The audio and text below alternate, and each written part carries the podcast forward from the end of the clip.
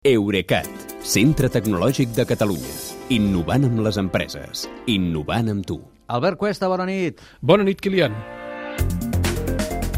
El que dèiem, Google promet que els mòbils amb el seu sistema, el sistema Android, deixaran de rastrejar-nos. Uh, doncs l'empresa diu que treballa amb la manera de prescindir de l'identificador únic de dispositiu, que és el que permet als anunciants digitals anar construint un perfil detallat de cada usuari per acabar mostrant-li anuncis personalitzats en les pàgines web que visita i en les aplicacions que fa servir.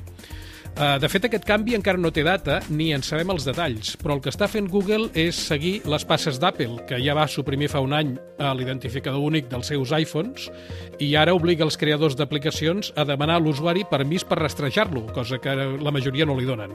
Uh, potser sembla un detall menor, però una mostra de com, com afecta això al negoci publicitari és que Facebook, que és la segona agència de publicitat digital del món després de Google, ha reconegut que aquest any facturarà 10.000 milions de dòlars menys per culpa de no poder rastrejar els usuaris d'iPhone i d'Android n'hi ha molts més. Val a dir que Google té motius per haver trigat a prendre mesures contra el rastreig de l'activitat als mòbils que molts usuaris li demanen.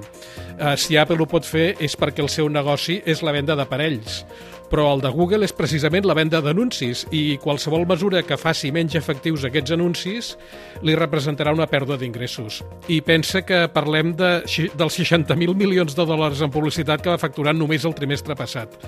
Per això eh, haurem de vigilar eh, si com es concreta aquest canvi, que de fet trigarà encara mesos a aplicar-se i tampoc sabem si afectarà només els aparells amb Android que siguin nous o també eh, se'n beneficiaran els 2.500 milions de dispositius Android que ja hi ha funcionant.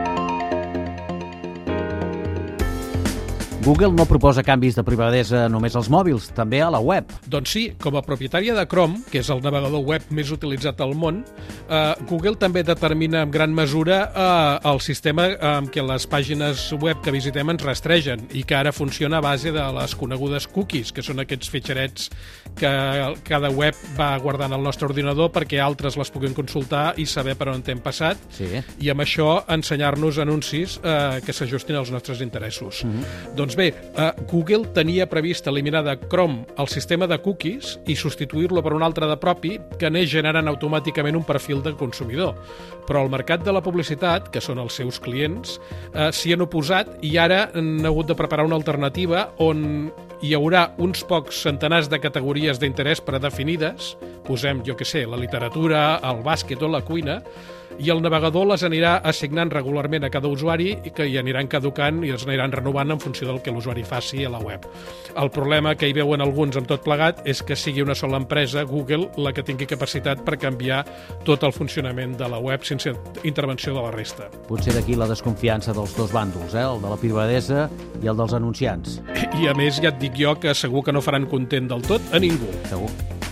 Bona nit eh, i fins demà. Bona nit, Kilian. Fins demà.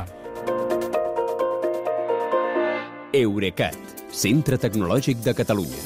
Innovant amb les empreses. Innovant amb tu.